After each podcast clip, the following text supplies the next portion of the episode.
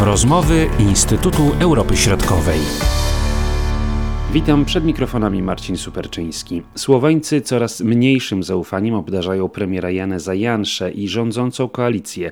Dodatkowo kolejni politycy opuszczają jej szeregi. Ma to związek ze sposobem prowadzenia polityki przez premiera, w tym przede wszystkim z poważnym konfliktem ze słoweńskimi mediami publicznymi. Wzorując się na byłym prezydencie Stanów Zjednoczonych Donaldzie Trumpie, Janez Jansza zdecydował się na rozwinięcie komunikacji ze Słoweńcami za pomocą Twittera.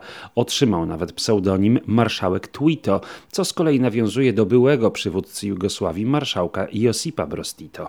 Co czeka Słowenię w najbliższych miesiącach, odpowiada starszy analityk zespołu bałkańskiego Instytutu Europy Środkowej dr Jan Muś. Janez Janša rzeczywiście poszedł na wojnę z mediami, stawiając podobnie jak Donald Trump na bezpośredni kontakt z obserwatorem sceny politycznej i z, i z wyborcą, czy to poprzez Twittera, czy, czy poprzez te media, media społecznościowe. Tam nazywają go przewrotnie marszałek Twito w Słowenii. Z tym, że ja odnoszę takie wrażenie, że on się wzorował na Donaldzie Trumpie, który wykorzystywał tego Twittera i ten bezpośredni kontakt z wyborcami amerykańskimi, żeby samodzielnie, a nie poprzez media manipulować opinią publiczną do czego, do czego oczywiście każdy człowiek ma prawo. Natomiast Janez Jansza zapomniał, że y, żyje w kraju, który ma 2 miliony mieszkańców, gdzie wszyscy się znają, gdzie góralowi z Apalachów amerykański prezydent może, czy, czy, czy farmerowi z Wyoming, czy tam jakiemuś rancherowi z Teksasu, amerykański prezydent może wmówić wiele, czy każdy polityk może wmówić wiele, ponieważ te osoby prawdopodobnie nigdy nie pojadą na zachodnie czy na wschodnie wybrzeże Stanów Zjednoczonych, żeby przekonać się, co się rzeczywiście dzieje w Nowym Jorku, w Kalifornii, w Bostonie, w samym samym Waszyngtonie i tak dalej, prawda? Natomiast Słowenii, Słowenia ma 2 miliony mieszkańców. Od jednej granicy do drugiej jest 2-2,5 godziny maksymalnie jazdy samochodem. W naszych polskich realiach tam się wszyscy po prostu znają. W związku z tym manipulacja opinią publiczną będzie przebiegała zupełnie inaczej niż rzucanie takich śmiałych, głośnych oszczerstw przez, przez poszczególnych polityków, które po prostu szybko są sprawdzane jako no, odbiegające tutaj często od realiów czy od, od, od, od rzeczywistości.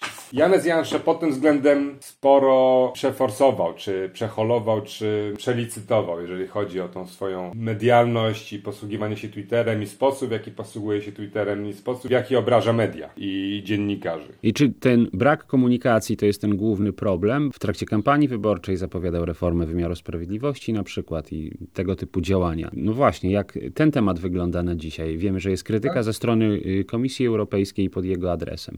Czy słuszna? Ten temat nie jest obecnie priorytetem prezydentem Janeza Janszy, który no, musiał stawić czoło pandemii. Tutaj się jego polityka, jego wysiłki koncentrują dwutorowo na, na walce prewencji ze zdrowotnymi skutkami pandemii, to w jaki sposób to wpływa na społeczeństwo co nie do końca wychodziło, co spowodowało, że, że w lato ubiegłego roku były masowe, jak na warunki też słoweńskie, protesty przeciwko jego rządom, ze względu na niefortunne wypowiedzi kilku, kilku polityków dotyczących ochrony socjalnej czy opieki socjalnej nad osobami starszymi, czy, czy, czy nad osobami, które takiej opieki socjalnej potrzebują na przykład. Z drugiej strony walczy z tymi gospodarczymi y, następstwami pandemii, wprowadzając kolejne plany, plany pomocowe porównywalne z tymi planami przyjętym w innych państwach Europy Środkowej. Także Także te reformy tutaj sądownictwa no, nie, nie, nie zeszła gdzieś na dalszy plan. To, co, co, co wzbudziło liczne kontrowersje wśród liberalnych elit tutaj w Brukseli, to wpływ taki bezpośredni, jaki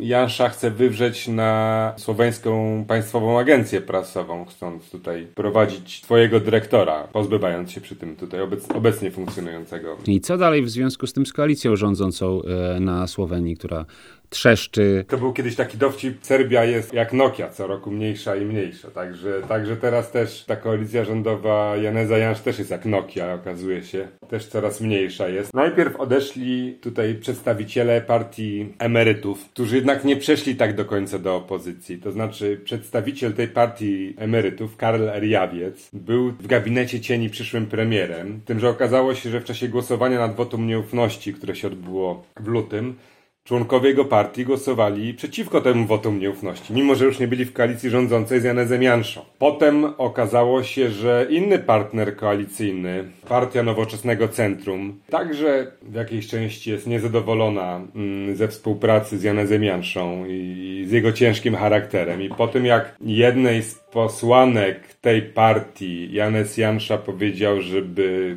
przestała go krytykować, ponieważ ich partia cieszy się tylko jednoprocentowym poparciem, co zresztą jest prawdą. Część członków tej partii odeszła, także z 46 e, posłów, jaki Jansza powinien mieć, żeby mieć stabilną większość w parlamencie słoweńskim, obecnie wspiera go jedynie 38 posłów.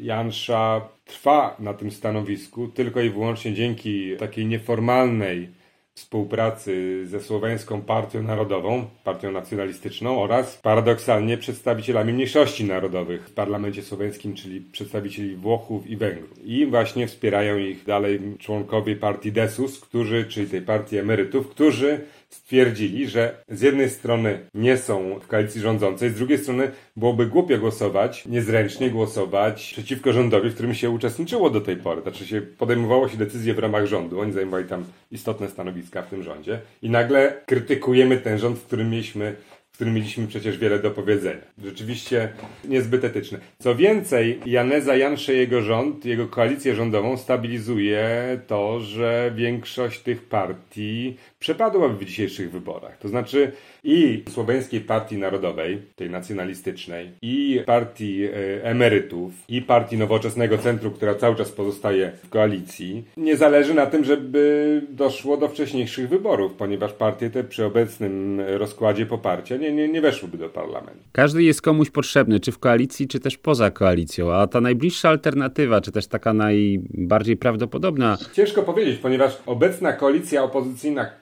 KUL, Koalicja Łuku Konstytucyjnego, składa się z partii większości, która oddała władzę właśnie Janezowi Janszy rok temu w marcu, ponieważ tak naprawdę ta koalicja tak nie za bardzo wiedziała w jakim kierunku ma iść. Zabrakło, zabrakło troszkę energii, co za tym idzie Jansza przejął władzę. I teraz te partie chcą z powrotem przejąć, e, przejąć e, władzę i podczas gdy z ostatnich tutaj badań e, opinii publicznej koalicja e, rządząca cieszy się 20% poparciem, znaczy głosowałoby dzisiaj na nią 20% wyborców, czy respondentów, tak na koalicję opozycyjną głosowałoby około 30% respondentów, czyli nie tak znowu dużo więcej. Do tego koalicja ta składa się z partii, które niekoniecznie są ze sobą kompatybilne. Znaczy z partii od bardzo lewicowych do bardzo liberalnych czy neoliberalnych. To jest problem i dla tych partii, żeby potem razem funkcjonowały i współpracowały i stworzyły stabilny rząd, mimo tego, że wcześniej ten stabilny rząd, to czy ten rząd, który wcześniej tworzyły, praktycznie nie przetrwał. A z drugiej strony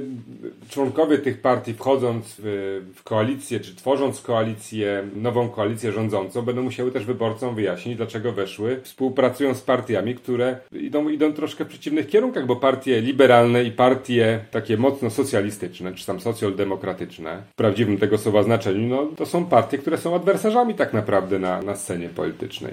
Jeżeli chodzi na przykład o, o fundusze publiczne, prawda, o kluczowe, kluczowe tutaj yy, kwestie. Co będzie decydujące w tej sytuacji, w której jest teraz? Czy ta koalicja się utrzyma, czy nie? Czy ten rząd w ogóle się utrzyma, czy nie? Rozmawiałem z Konradem Pawłowskim tutaj z naszego instytutu. Najkorzystniejsze, nie mówię tu o etyce czy o moralności, ale najkorzystniejsze dla partii opozycyjnych byłoby czekanie, aż się Jansza wykrwawi w tym e, post-covidowym świecie, który jest tak naprawdę niepewny i który, którego skutki no, gospodarcze będą raczej negatywne. Na miejscu partii opozycyjnych bym, bym e, czekał do, do czerwca 2022 roku, kiedy, kiedy przewidziane są nowe, nowe wybory parlamentarne tutaj i nie wychyliał się do, tam, do, do, do tego 2022 roku po prostu. Mówił dr Jan Muś, a ja się nazywam Marcin Superczyński. Do usłyszenia. Były to rozmowy Instytutu Europy Środkowej.